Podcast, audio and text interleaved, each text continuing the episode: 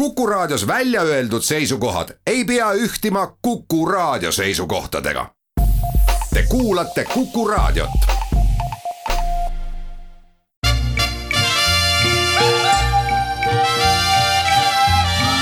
välismääraja.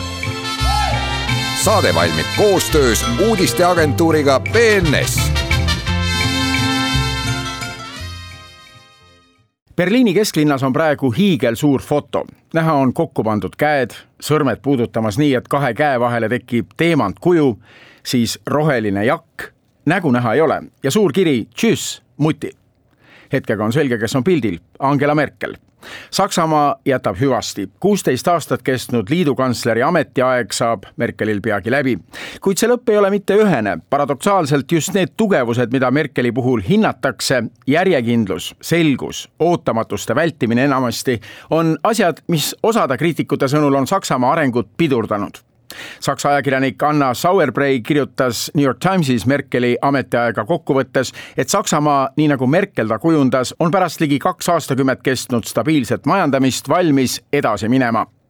kuidas ja kelle juhtimisel, see otsustatakse suuresti täna Saksamaal toimuvatel valimistel, mis ongi välismäärajas luubi all.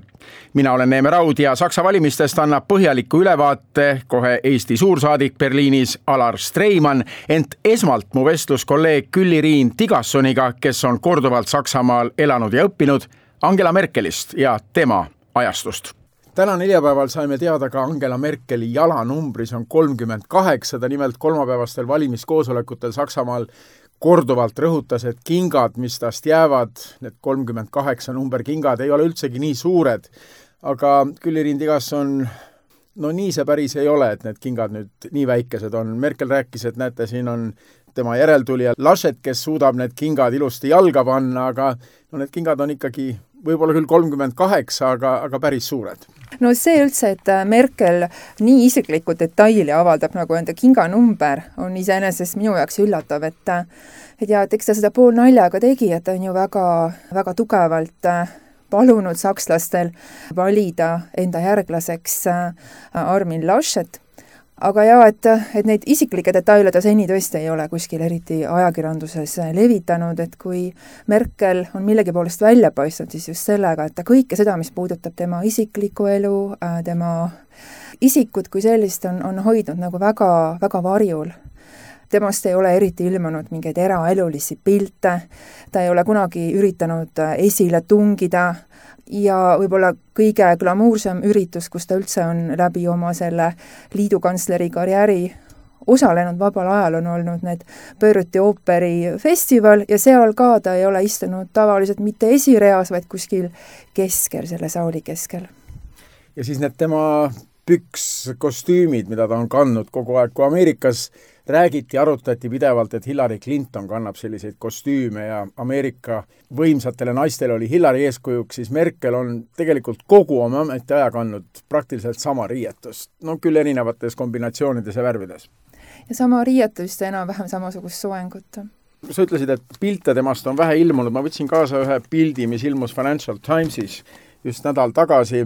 ja siin on artikkel Generatsioon Merkel, et paljud sakslased ei mäletagi aega, millal ta võimul ei olnud,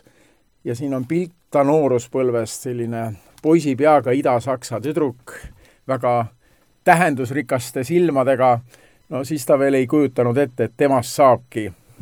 Saksamaa juht ühel päeval see oleks ka võimatu olnud, et tema ju kasvas ja õppis äh, Ida-Saksamaal. ja võib-olla just äh, see, et tal oli kogemus äh, sellises ühiskonnas elamisest,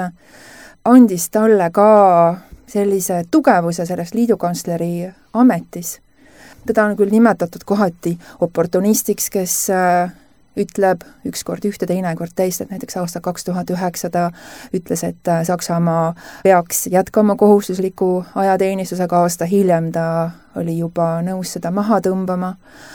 aga ta on ikkagi liidukantslerina, ta on suutnud äh, nii-öelda hoida sellist pidevat, väga tugevat moraalset selgroogu ja selliste kriitilistel hetkedel kohati täitsa ma ei tea, üksinda või, või siis väga väikeses ringis konsulteerides langetanud väga kiiresti suuri põhjapanevaid otsuseid, mis ka tegelikult ei lähe võib-olla välise vaatuse põhjal päris kokku selle tema tavapärase poliitilise stiiliga, mis on just see ühendamine, kõigi kaasamine, aga kui on olnud kriisiolukorrad, nagu näiteks Fukushima katastroofis, pärast seda ta kas päev või paar päeva hiljem teatas, et nüüd Saksamaa loobub tuumajaamadele lisapikenduse andmisest ja lõpetab tuumaenergia tootmise, samamoodi oli ka ju pagulaskriis kahe tuhande viieteistkümnendal aastal, kus ka Saksamaa oli pigem olnud varem Euroopa kontekstis selline vastupõtkija ühisemale põgenikepoliitikale ja siis ühtäkki Angela Merkel teatas, et et me avame piirid, võtame need inimesed vastu ja kui siis teda hakati selle eest kritiseerima, siis ta ütles, et kui tullakse ütlema, et meie kriisi ajal näitame sõbralikku nägu ja meilt nõutakse selle eest vabandust, et siis see ei ole minu maa. et see oli võib-olla kõige selline järsem väljaütlemine tema karjääri jooksul. praegu analüüsitakse väga palju Merkeli ajastut tervikuna ja just see pagulaskriis on üks hetk tema võimuloleku ajast, mida paljud kriitikud tõstavad esile, et siin ei olnud Angela Merkeli ehk päris õigus? no seda ma ei tea, et see võib-olla mõneks ajaks andis tuult jah, tiibadesse AfD-le, sedalaadi liikumistele, aga nüüd on taas jälle, et AfD toetus on, on taandumas ja mul on küll tunne, et Merkel ei ole seda otsust äh, kahetsenud ja see ka omakorda tõi Merkelile toetust äh, nende inimeste seast, kes äh, muidu on äh, toetanud vasakpoolseid või sotsiaaldemokraate ja kindlasti, kui vaadata praegust valimiskampaaniat, on toetus suurenenud rohelistele ja seda tuumaotsust, et Saksamaa lõpetab tuumaenergia tootmise, peetakse tema ameti üheks kõige märkimisväärsemaks otsuseks. Merkelile on see keskkonnapoliitika olnud juba ammu tõesti äh, südamelähedane, et juba üheksakümnendatel aastatel ta oli ju ka keskkonnaminister, ta ise on ju ka loodusteadlane, loodusteadusliku taustaga. Ja no Eesti ajakirjanduses ma olen mõnikord kuulnud seda arvamust, justkui Saksamaa oleks loobunud sellest tuumaenergeetikast äh, tänu ma ei tea, Venemaa lobile, äh, minu meelest selline oletus ei, ei vasta tõele, et Saksamaa poliitikas ja selles ühiskonnas on, on see tuumavastane liikumine niivõrd suurte traditsioonidega juba alates seitsmekümnendatest aastatest, inimesed on seal blokeerinud nende tuumajäätmete transporti ühest kohast teise. Ja see on niivõrd äh, jah, laia kandepinnaga olnud see liikumine erinevalt Prantsusmaast, et äh, ja Saksamaa ühiskonna enamus kindlasti peab seda heaks otsuseks. sel nädalal on uudistes USA ja Prantsusmaa omavaheline tüli ja mitmel pool on öeldud, et oleks Angela Merkel veel jõuliselt areenil, siis tema oleks pingete maandaja, nüüd küll USA president Joseph Biden ja Prantsuse president äh, Emmanuel Macron vestlesid telefonitsi kolmapäeval ja pinged mõneti on nüüd maandatud, aga Merkel on olnud just see silu ja vahendaja, kui vaadata nii lääne poole Ühendriikidega kui ka Venemaa poole. jaa, ma olen sellega täiesti nõus et Merkel, osa tema liidukantsleri ajast oli ju just see, kui Euroopas, Ameerikas hakkasid tooni andma sellised polariseerivad populistlikud seisukohad. Ja Merkel on olnud kõike muud kui selline polariseerija, populist, tema on tõesti olnud see ühendaja, siluja ja see on ka tema poliitilise stiiliga seotud, et tal on alati olnud tähtis see tulemus ja ju ta siis on olnud seisukohal, et tulemuseni jõuabki paremini läbi rääkides, vastuolusid leevendades, aga mitte üritades vaenu üles kütta ja läbi selle enda isikut esile seada. selles artiklis, mis Financial Times avaldas, generatsioon Merkel, ütlevad noored, et nende jaoks on Merkel eelkõige muti, riigi ema. siis olid Saksamaal kõik asjad korras, kui, kui Merkel oli uudistes ja riiki rahustas, eriti nüüd koroona alguses, kui ta teatas, et meetmed tuleb võtta üsna karmid kasutusele, kuigi Saksamaal nakkus ei levinud nii laialdaselt kui mujal, aga riik kuidagi usaldas seda ja seda tehti ja siis oli Merkel just täpselt selles elemendis, kus teda näha on soovitud jaa, et nii see on, et Merkel tõesti on olnud selline kindluse süstja inimestele, et kui oli ka finantskriis, et siis ta rahustas inimesi, et olukord on tõsine, aga kõik saab korda, ja kui oli äh, pagulaskriis, siis ka vir šahvendas. et tema on olnud äh, jaa, selline rahustaja tänu oma sellisele jah, sellisele rahumeelsele olekule, mis üritab ka mitte kasutada sellist hirmu poliitilise kommunikatsiooni ühe võttena, mida kahjuks paljud teised poliitikud teevad. ja samas oli see kaalukus seal taga, ühelt poolt tema kui poliitiku kaalukus ja siis Saksamaa kaalukus maailma majandusvõimuna mm. -hmm, nii see on. sa oled ka Merkeli ajastul Saksamaal korduvalt elanud, õppinud,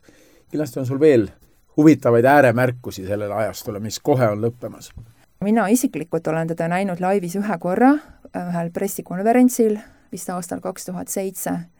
kus ta jah, mõjuski sellisena, nagu ta ka ajakirjanduses mõjub, et hästi lugupidav kõigi suhtes,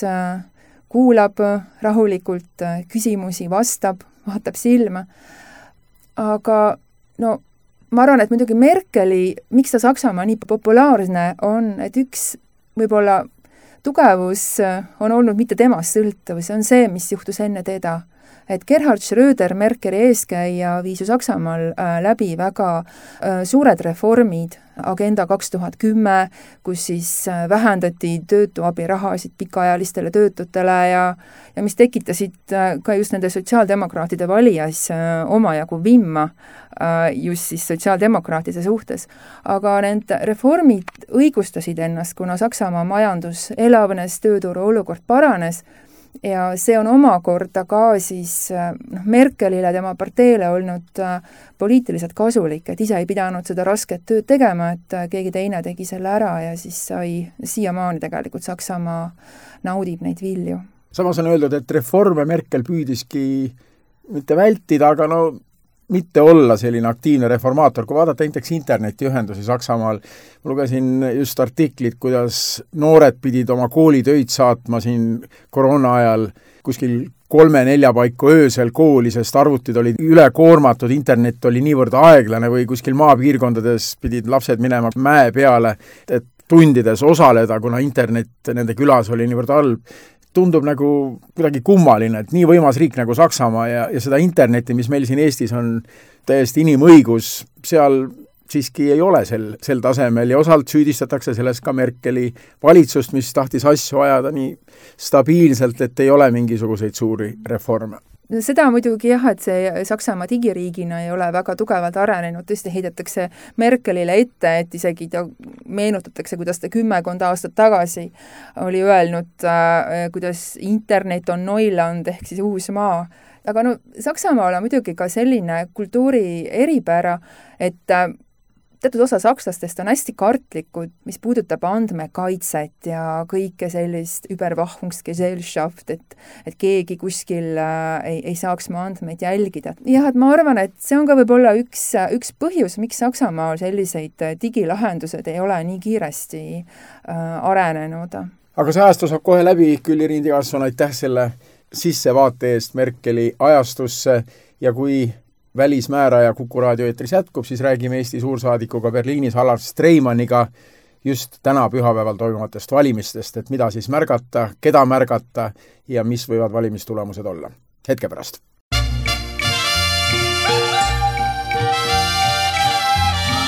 välismääraja. saade valmib koostöös uudisteagentuuriga BNS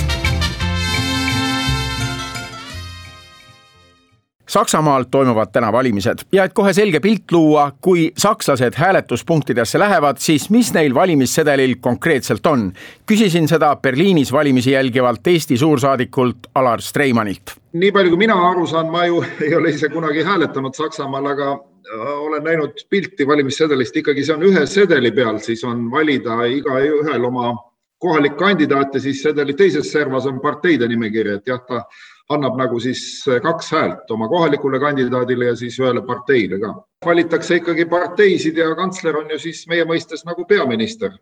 ja kui hääled kokku loetakse ja parteide kohad parlamendis välja arvutatakse, siis võib selguda, et tegelikult parlamendis, kus on viissada üheksakümmend kaheksa liiget, võib tulla hoopis enam liikmeid, praegu on seitsesada üheksa liiget. seda on tegelikult päris keeruline seletada jah, et, et Saksamaal on väga keeruline kompensatsioonimandaatide süsteem, et, et noh, võib-olla kõige lihtsustatumalt seda siis öelda on niimoodi, et kui, kui mõni partei noh, kuna siis valitakse nii kandidaate, konkreetseid inimesi kui ka siis parteide nimekirju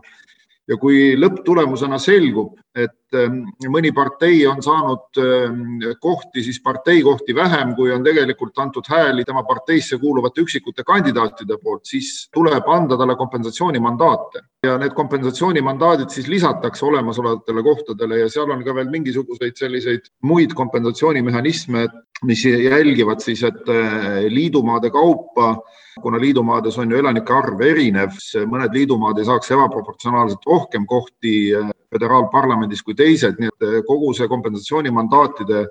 lisamine teeb selle lõpptulemuse väljaarvutamise või teadasaamise peale valimisi erakordselt keeruliseks, sellepärast et noh, üks asi on see, kui ikkagi valimistulemused selguvad, siis on need ju mustvalgel olemas, aga siis alles hakatakse kõiki neid kompensatsioonimandaate ümber arvutama ja noh, teoorias on mõned eksperdid ähm, väitnud, et see Bundestagi liikmete arv võib isegi kuni tuhandeni kasvada, nii et see on üks selline hästi suur debatt, mida siis sellega ette võtta, korra on seda proovitud juba muuta, valimisringkondade arvu on vähendatud, aga noh, muidugi kogu see föderaalparlamendi kohtade arv suurenes järsult, kui siis kaks Saksamaad liitusid, varem oli see kohtade arv muidugi väiksem. nii et praeguses parlamendis siis, kus peaks olema viissada üheksakümmend kaheksa liiget, tegelikult seitsesada üheksa, mis järgmises parlamendis saab Bundestagis, see selgub pärast valimisi, aga vaatame nüüd suuri parteisid, kelle juhist ilmselt võib saada järgmine kantsler lähemalt ja, ja konkreetseid poliitikuid, kõigepealt siis Angela Merkeli praeguse kantsleri partei kristlike demokraatide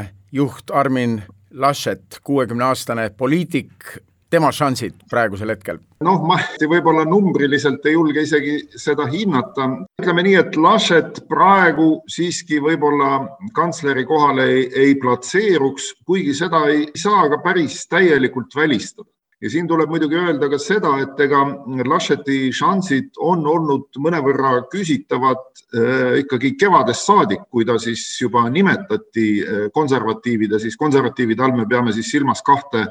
kahte nii-öelda konservatiivset parteid, üks on siis kristlik demokraadid, mis on siis ähm, enamikus liidumaades äh, tegutsev partei ja siis Bayeri sõsarpartei äh, CSU. nii et Laschet on mõlema konservatiivide partei esinumber või kantslerikandidaat ja kuna sellele eelnes niisugune väga-väga tõsine rivaliteet või võistlus Bayeri peaministri Markus Söderiga, noh siis juba see mõnevõrra tegelikult tõi esile Lascheti nõrkused võrreldes Söderiga ja Söder on talle kuklasse hingamas ka täna. nii et noh, tegelikult võib ikkagi öelda, et Lascheti stardipositsioon juba kevadel ei olnud võib-olla nii tugev, kui see oleks võinud olla. noh, teine argument, mida siin on ka välja toodud, et ähm, praegune kantsler Angela Merkel on algusest saadik ennast distantseerinud parlamendivalimiste kampaaniast, öelnud, et tema säilitab ikkagi sellise erapooletuse ja mõned kriitikud on jällegi öelnud, et võib-olla ikkagi Merkel oleks pidanud oma selge toetuse kohe Laschetile andma.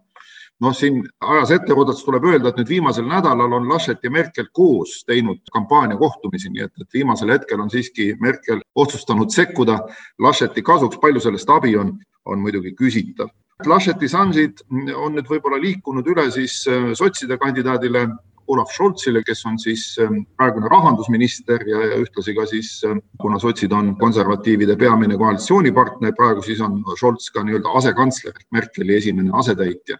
nii et tema on praegu kõige populaarsem ka isikuna ja ka sotside partei on hetkel siis ilmselt tänu temale väga kõvasti tõusnud küsitlustes. aga ma pean jällegi ütlema, et see olukord on erakordselt volatiilne toetusnumbrid kõiguvad, nad võivad ühe päevaga tõusta päris palju, langeda päris palju ja selles mõttes ma ei julge nagu öelda, et Lascheti šansid nüüd oleks päris kadunud kuidas saab nii suures riigis olla nii suur volatiilsus, et, et tõesti iga päev võib midagi parteide valikute seas muutuda? see on väga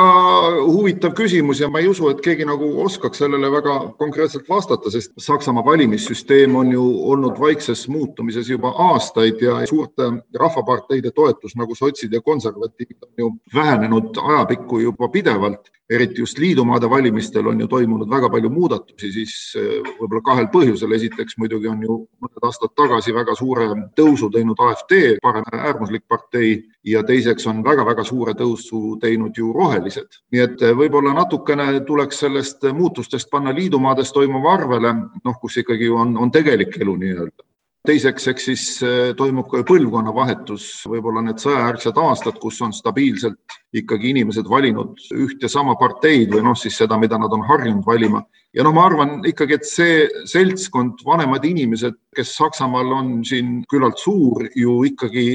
päeva lõpuks läheb jällegi tagasi ja valib oma traditsioonilist parteid, et ega see ei ole kadunud kuhugi, et see sotside ja, ja konservatiivid on niisugune stabiilne valijaskond, kes võib-olla täna hinnanguliselt ei ole oma otsust teinud. noh, siin näiteks mingid küsitlused ütlevad, et isegi kuskil nelikümmend protsenti valijatest ei ole veel otsustanud, keda nad valivad. no siis on ju täitsa selge, et on peaaegu võimatu prognoosida, kuhu see hääl siis valimispäeval lõpuks kukub vaatame ka kolmandat kandidaati lähemalt, keda peetakse üheks siis tippkandidaadiks, Anna-Lena Baerbock, roheliste kandidaat, neljakümneaastane poliitik, tõusis meteoorina, nüüd on see meteoor kuidagi tuhmuma hakanud. jah,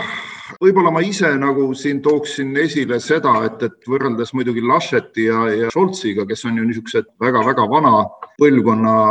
poliitikud väga suurte kogemustega, et, et Baerbock on ju noor, kindlasti mingil määral tal on nappinud kogemusi, ta, ta pole ka tegutsenud üheski liidumaa valitsuses, noh, mis ikkagi annab Saksamaal piisavalt suure poliitilise kogemuse, nii et tema stardipositsioon ei olnud äh, kindlasti nii väga hea. Ja muidugi oli tal kevadel ka seal selliseid väikseid libastumisi, mis võib-olla avalikku arvamust natuke ettevaatlikuks tegid, et seal selgus, et ta on võib-olla natukene ilustanud oma elulugu, mida ju inimesed panevad kohe väga pahaks, kui see selgub. Ja siis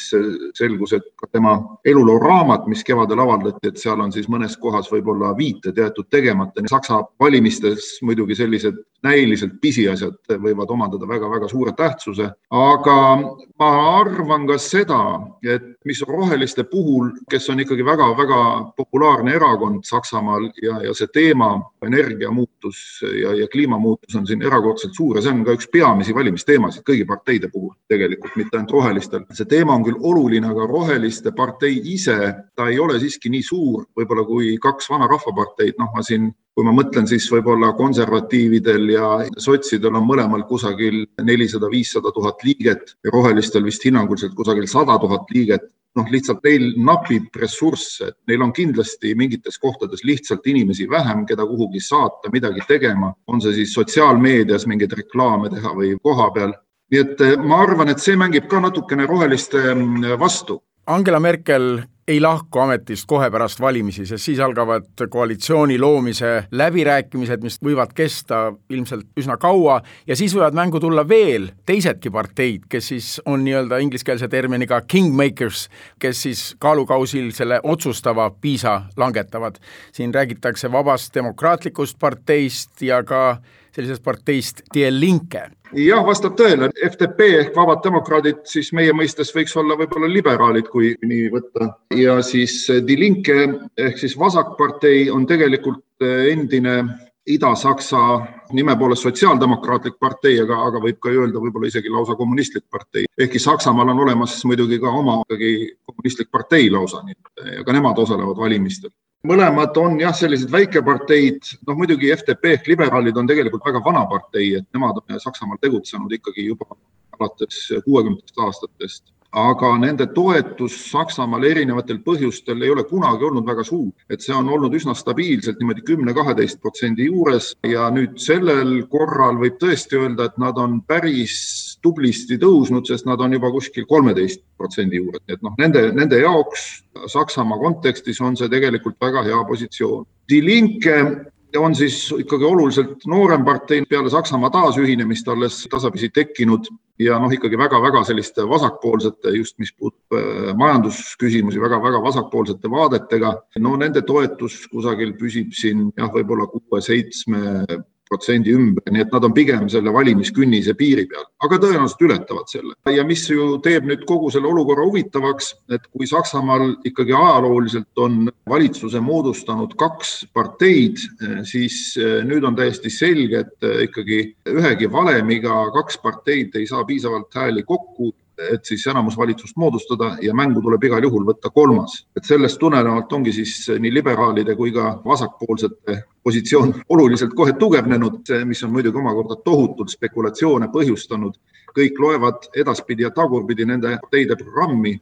et siis oletada, mis sealt võiks võimaliku valitsuskoalitsiooni poliitikasse jõuda, nii et see on muidugi veelgi segasemaks olukorra muutnud täielikult on mängust välja jäetud aga AfD alternatiiv Saksamaa jaoks, kõik suurparteid on öelnud, et selle parteiga koalitsiooni ei looda. kui meenutada, neli aastat tagasi tuli just see partei suure tormiga parlamenti, räägiti, et see on uus Saksamaa kolmas suurpartei ja nüüd korraga on nende reiting on langenud ja nad on mängust kuidagi väljas. Nad ei ole kindlasti mängust väljas selles mõttes, et äh, praeguses äh, föderaalparlamendis Bundestagis on AfD-l päris palju kohti siiski ja sisuliselt ilmselt nad ikkagi ju koos liberaalide ja Die Linkega moodustavad siis sellise opositsiooni ja, ja on, on ju väga valitsuskriitilised, nii et, et noh, neil on oma hääl, nad kasutavad seda väga aktiivselt parlamendi tribüünil. aga valitsusse ja, nad ei pääse? valitsusse nad ei pääse jah, no ei, kindlasti ei pääse nad ka järgmisse valitsusse, aga, aga iseenesest noh, nende, nende koht poliitikamaastikul ei, ei kao kuhugi, see on, see on täiesti olemas, aga tõepoolest võib-olla nendel valimistel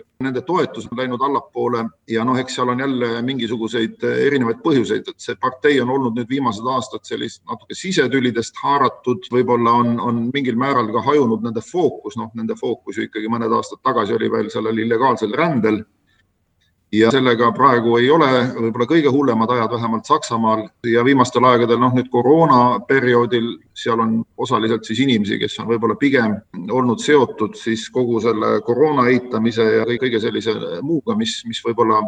keskmisele valijale siiski ei, ei ole väga usaldusväärne, nii et neil ei ole nagu praegu sellist tugevat fookusteemat. ja noh, võib-olla ka, et, et majanduses nende vaated on natuke sellised äärmuslikud, et inimesed ei pea neid ikkagi realistlikuks, et keskmine sakslane ikkagi, mis puudutab majandusküsimusi, siis, siis ta ikkagi pigem vaatab eh, konservatiivide poolele, et ta nagu usaldab eh, võib-olla kõige rohkem neid, et see on see Saksa majandusime alus ikkagi seisneb sellises tugevas väikeses perekondlikus eraettevõttes ja noh, seda poliitikat on rohkem just CDU ja CSU toetanud aastakümneid. Kui alternatiivis Saksamaa jaoks räägitakse, siis räägitakse nende tugevast toetusbaasist just idas. Ja nad on ise ka öelnud, et just sealt idast laieneva toetuse abil nad võivad kunagi tulevikus tõesti jõuda tipp-parteiks. Nojah, AfD positsioon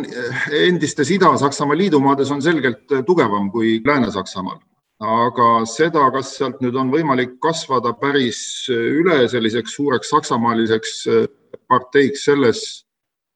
ma julgen natuke kahelda või vähemalt ma ei, ma ei näe praegu seda platvormi, ma ei näe seda platvormi, mille, mille pealt nad suudaksid seda teha minu arvates ikkagi Saksamaal, kui vaadata neid teemasid, mis, mis inimesi huvitavad, siis äh, täiesti selgelt esimene teema on energia ja, ja kliimamuutused. sõltumata, milliseid parteisid inimesed eelistavad valida, nii et, et äh, igal juhul kõik äh, parteid, kes vähegi tahavad Saksamaa valimistel edu saavutada, peavad nende teemadega tõsiselt tegelema ja mingeid lahendusi pakkuma jutuajamine Alar Streimani, Eesti suursaadikuga Saksamaal jätkub Välismäärajas mõne hetke pärast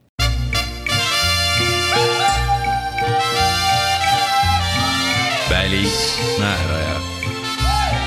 saade valmib koostöös uudisteagentuuriga BNS Eestis tekitas sel nädalal mõttevahetuse Postimehes ilmunud karikatuur, kus kõrvutati Eesti ja Venemaa e-valimisi. Saksamaad, kus valimised toimuvad täna, sinna pildile panna ei saaks, sest seal mingit e-hääletust ei ole.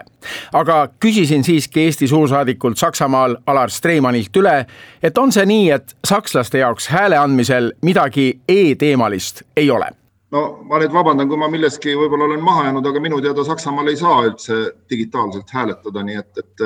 et hääletada saab ikkagi eelvalimistel ja siis kirja teel, aga, aga mitte niimoodi nüüd e-häält andes või elektroonset häält andes nagu, nagu Eestis. miks Saksamaal nüüd asjad digitaliseerimisega on, nagu nad on? jah, see on, see on väga keeruline probleem, et ühest küljest tegelikult see digitaliseerimine on valimistel ka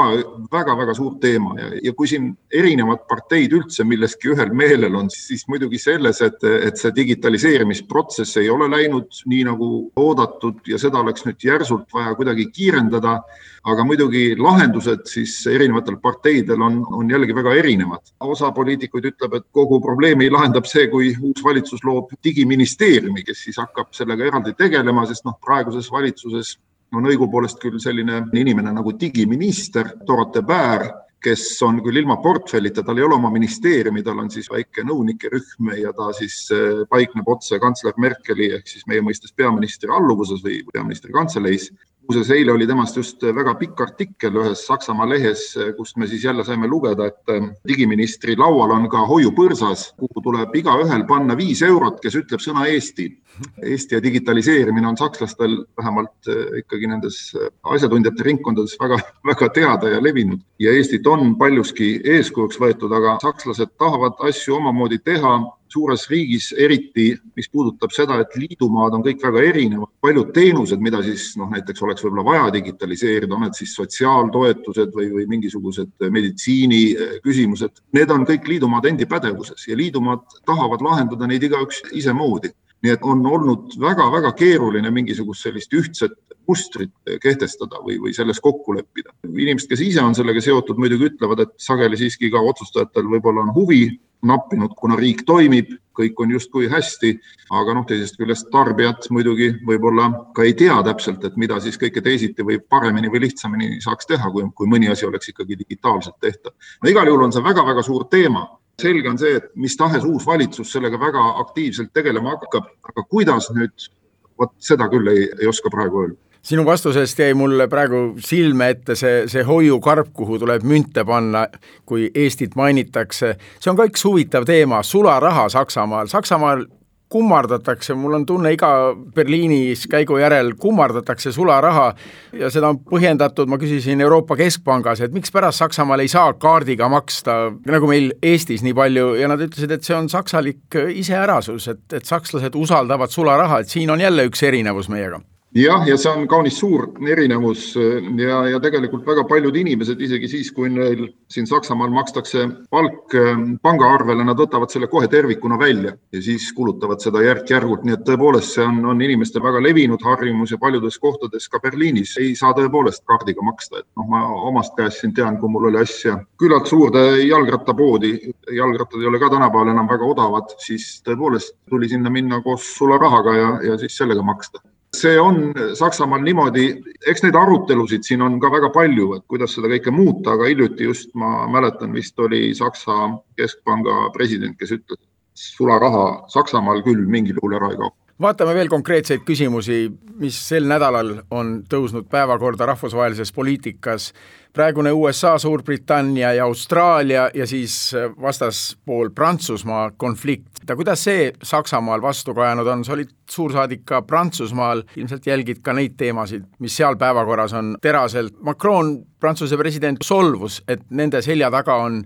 tehtud salapakt tuumaallveelaevade ehitamiseks, et Austraalia loobub lepingust Prantsusmaaga ja helistab USA-d ja Suurbritanniat New Yorgis ÜRO Peaassambleel, mis sel nädalal toimub, on see kulissides kõige enam arutatav küsimus, lugesin just New York Timesist ja on tekkinud ikkagi Euroopa poliitikutel tunne, et, et see USA-Euroopa partnerlus ei ole nii tugev, on ka öeldud, et meil ei ole Angela Merkelit enam, kes on olnud tavaliselt see läbirääkija ja lepitaja ja me ei tea, kes tema asemel tuleb. kuidas see teema on Saksamaal praegu päevakorras? No see kindlasti on päris äh, suur teema siin, ehkki võib-olla avalikkuses sellest nii palju ei räägita ja on täiesti selge, et näiteks Saksamaa poliitikud, kes on ju praegu kõik seotud valimisvõitlusega, ma mõtlen just praeguse valitsuse liikmed, välisminister Saksamaal on ju ikkagi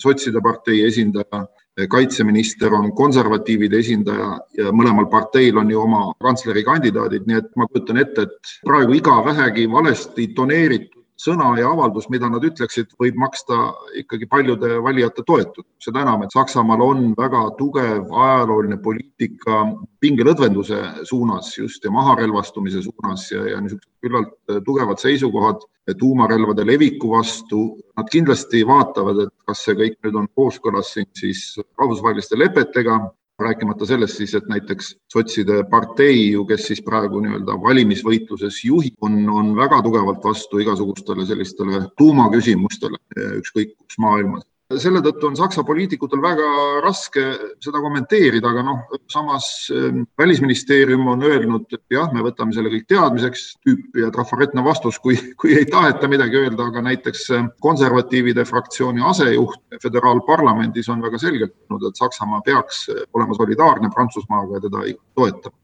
siin tuleb ka meenutada muidugi, et omal ajal, kui see tehing tehti, siis äh, neid pakkujaid oli ju veel. tegelikult osales pakkumisprotsessis ka Saksa firma ThyssenKrupp, kes on suur relvatootja ja vist oli seal ka Jaapan ja võib-olla veel keegi, keda ma kohe ei, ei mäleta eks sakslastel see on väga tuttav moment, aga kui sa küsisid jah, Prantsusmaa kohta, siis ma olin tõepoolest tollal Prantsusmaal ja mul on lihtsalt meeles, kui suure saavutusena seda muidugi serveeriti, noh, Prantsusmaa on üldse üks maailma suuremaid relvaeksportööre, erinevalt Saksamaast toonane kaitseminister siis, kellest täna on saanud ju välisminister Le Drian, viis ikkagi selle Prantsusmaa relvaekspordi hoopis uuele tasemele. küsimus ei olnud ainult Austraalias, vaid ka paljudes teistes riikides, nii et see võib-olla jah, niisugune isiklik lüüasaamise tunne, noh, on, on ju seal kindlasti olemas, et pole need sõjandustehnilisi küsimusi, neid ma ei tea, need on hoopis midagi muud. aga kahtlemata on see jah, väga suur teema ka Saksamaal just tänu sellele solidaarsusele Prantsusmaal ja siit lähtuvalt siis teine teema ka, Saksamaa, Prantsusmaa, Euroopa kaks suurvõimu ühel pool ja teisel pool siis USA, kui Joseph Biden president ametisse sai, öeldi, et nüüd ta tuli taastama suhteid Euroopaga, üheksa kuud hiljem vaadatakse Bideni poliitikat ja öeldakse, et Trumpi ajastu poliitikast ei ole palju erinevusi, lihtsalt ei rõhutata seda Ameerika kõigepealt loosungit enam, aga Euroopa ja Ameerika vahel on ikkagi lõhe alles. mida Saksamaal no, arvatakse? ütleme nii, Neeme, et eks omavahelistes vestlustes tõepoolest nii seda võib-olla öeldaksegi jah, aga veel kord, et avalikkuses on sakslased väga ettevaatlikud ja mingisuguseid niisuguseid väga selgeid avaldusi kellegi poolt või vastu ei, ei ole vähemalt tänaseni tehtud ja võib-olla, võib-olla see sündmus on ka ju liiga värske veel, et kindlasti toimuvad ju mingid läbirääkimised ja kindlasti see kõik läheb mööda ühel või teisel viisil. see Austraalia, USA, Suurbritannia leping sõlmiti suuresti ikkagi Hiina vastu Hiina on seal suur mängur ja USA jaoks on Hiina muutunud maailma areenil selgelt vastaseks või rivaaliks number üks. kui palju Saksamaal Hiinast räägitakse praegu? Angela Merkeli ajast mäletame, et Merkel pidas ju Hiinaga väga edukaid kaubandusläbirääkimisi, Hiina on suur kaubanduspartner. kui suur teema on Hiina Saksamaal? siin tuleb muidugi alustuseks kohe öelda, et kõik, mis puudutab suhteid Ameerika Ühendriikidega ja, Hiinaga, on Saksamaal ikkagi väga oluliselt seotud majandusega, et Saksamaa on väga suur eksportöör näiteks Ameerika Ameerika turule aga samas on Saksamaa ehitanud või investeerinud ka väga palju Hiina, et, et Hiinas on ju suurtel autotehastel oma esindused ja, ja lausa oma tehased. Hiinast tuuakse väga palju sisendkomponente Saksamaale. Saksa majandus on väga-väga sõltuv sellest, mis mõlemal turul toimub ja selle tõttu muidugi Saksa poliitikud on küllalt ettevaatlikud mis tahes selliste võib-olla poliitiliste järskude muudatuste suhtes, et muidugi Hiina teema on Saksamaal suur ja reeglina seda siis ikkagi tuuakse sellises noh, kuidas ma siis ütleks, öeldakse, et jah, ta on teatud küsimustes äh, meile rivaal, aga teatud küsimustes ka partner, erinevalt ameeriklastest, kes siis võib-olla rohkem rõhutavad ainult seda rivaali küsimust. et sakslased on väga ettevaatlikud, aga see, mida on mulle ka sakslased öelnud, on, miks nad on ettevaatlikud, on see, et, et mingil hetkel võib juhtuda nii, et ameeriklased ikkagi saavutavad mingi kokkuleppe Hiinaga kõigis oma olulistes küsimustes ja võib olla olukorras, kus on tehtud mingisuguseid ennatlikke samme ja siis jäädud jällegi sellest äh, suhete suurest puntrast kuidagi nagu kõrvale. jah, praegu on selline üleminekuperiood, kus on palju muutust, palju segadusi ja sakslased püüavad siis võimalikult ettevaatlikult äh, oma samme sättida. väga palju sõltub uuest valitsusest, praegu kindlasti midagi olulist ei tehta. tõepoolest, Merkel võttis sellise hoiaku Hiinaga koostööle, ta lausa vist igal aastal püüdis käia korra Hiinas äh, ka siis suurte äridelegatsioonide eesotsas. selle eest on teda ka siis opositsioon, näiteks tänased rohelised on väga palju süüdistanud just Merkelit, et ta ei ole võtnud põhimõttelistes küsimustes sellist tugevat hoiakut, on see siis uiguuride tagakiusamine või mingid muud teemad. ja rohelised omakorda on lubanud siis, kui nad koalitsiooni pääsevad, võtta hoopis sellise jõulisema hoiakuga siis inimõiguste küsimustes äh, teiste riikide puhul. ega mis seal salata, siin üks formaat, mille üle arutatakse, ongi see, et kui rohelised nüüd kantsleri kohta ei saa, siis võib neil olla välisministri koht näiteks perspektiivis kantsler Merkel käis Hiinas, aga kantsler Merkel käis ka Venemaal. Venemaa president Vladimir Putin tõi talle alati lilli, igal kohtumisel oli alati kõigepealt suur lillepuketi üleandmine ja siis nad said rääkida, Merkel rääkis ju ka vene keelt. Venemaa teema praegu Saksamaal jah, Venemaa teema osas kõigepealt tuleb öelda, et kui nüüd nagu valimisi vaadata, siis ega välispoliitika küsimused valimistel siiski Saksamaal ei ole peamised. inimesi ikkagi huvitab see, mis toimub siin kohapeal nende ümber välispoliitikast muidugi teavad sakslased päris palju ja, ja Venemaast muidugi näiteks Saksa meedia kirjutab väga palju, väga kriitiliselt. aga noh, näiteks idapoolsetes liidumaades äh, AfD toetus on suurem, on ka väga suur sümpaatia näiteks Venemaa suhtes. täiesti tavalised inimesed on mulle seletanud seda väga veendunult, nende arvates ikkagi Saksamaa teeb valesti, kui ta ei suhtle Venemaaga, tuleb äri ajada ja kellega siis veel ja see veendumus on inimestes väga-väga sügaval, ma mõtlen siis tavalistest sakslastest. Et see Venemaa teema on natukene selles mõttes ambivalentne, et kahtlemata on siin firmasid, kellel on suured ärihuvid Venemaaga suhtlemiseks, on omaette koondunud, ikkagi nad püüavad siis ka valitsust mõjutada mingil määral. ja teisest küljest tõepoolest, ega siis kantsler Angela Merkel, kellel on juba inimesena selline väga rahulik ja, ja niisugune tasakaalukas suhtlemisstiil, ta tõepoolest on olnud ikkagi selline suur vahendaja Euroopa suhetes Venemaaga ja mulle siiski jääb mulje, et Moskvas ka tema sõnaga mingil määral arvestatakse või on arvestatud. aga tema selline tasakaalukas stiil on, aidanud sellele kaasa, et asjad võib-olla ei ole hullemaks läinud. mis nüüd edasi saab, kas tema võimalikud järeltulijad seda rolli suudavad täita, no vot see on ka tõepoolest üks suur küsimus, võib-olla mitte niivõrd sakslastele, aga paljudele teistele riikidele Euroopas jõudsimegi selle viimase küsimuseni, mille tahan sulle esitada. milline oleks meie Eesti jaoks kõige parem valimistulemus? ma tean, et suursaadikuna sa ei saa otseselt hakata siin kommentaare jagama, aga ikkagi, meie oleme ka oma riigi huvide eest väljas ja sina esindad meie riiki seal. milline oleks meie, eestlaste jaoks parim tulemus, mis valimistel võiks tulla? nojah, siin ma tõepoolest, nagu sa ütlesid, ma pean vastama, et meie töötame iga Saksa valitsusega, heal meelel teeme koostööd ja sellele tegelikult ei olegi võimalik vastata, sest Saksamaa on tõesti väga-väga suur riik. meil on väga palju praktilisi koostööprojekte hoopis üksikute liidumaadega näiteks, mis võib-olla mõjutavad meie suhteid äh, väga palju ja nende liidumaade inimeste kaudu me ikkagi saame mingil määral ka ju mõjutada Saksamaa suurt poliitikat nii et see, milline nüüd täpsemalt saab olema Saksamaa föderaalvalitsus, noh, ma võib-olla ei tähtsustaks seda Eesti-Saksa suhetes küll üle, et meil on alati kõigiga olnud võimalik hästi läbi saada, ma ei näe siin nagu üldse probleeme tegelikult. aga no mis kindlasti Eestit mõjutab, on see, et kuhu siis Saksamaa uus valitsus pöörab oma suure majanduslaeva, sest ega Saksa majandus on ju tegelikult veerand kuni kolmandik Euroopa majandusest, see on ka maailma majanduses väga suur osa. kõik, mida sakslased teevad energias, kõik, mida nad teevad siin oma autotööstuses või üldse tööstuses, terasetööstuses, ega see on ju kõik otsapidi jõuab kohe Eestisse, et me võib-olla ei taha endale tunnistada, aga see, mis Saksamaal juhtub täna, on, on, juhtub ülehomme meil Eestis või, või noh, siis mõne aasta pärast need arutelud, noh, mida me oleme seal ignoreerinud ise võib-olla või hilinenud, kasvõi need eh, kliima ja energiamuutuste osas, noh, seda me ju täna näeme, et me oleme sunnitud paratamatult arutama, mis toimub energiahindadega aga seda kõike on Saksamaal ju räägitud juba kümme, viisteist, kakskümmend aastat. et selles mõttes ükskõik, mis valitsus siin Saksamaal võimule ei, ei tule, meil on ikkagi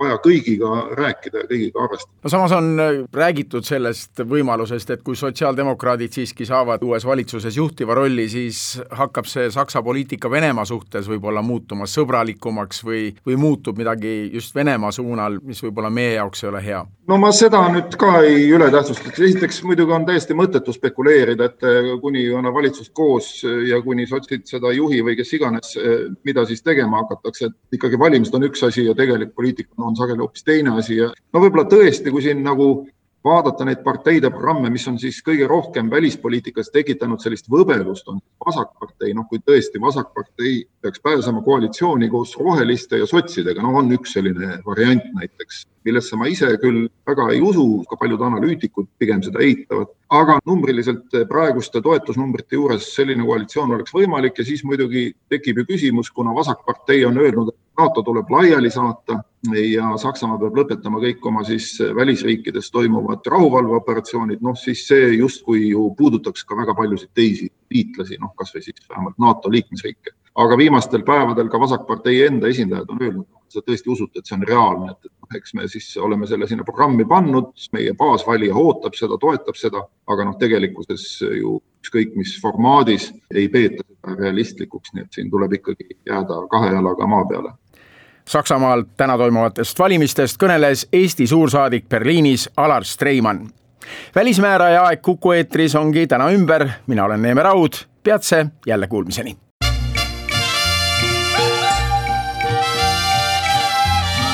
välismääraja. Saade valmib koostöös uudisteagentuuriga BNS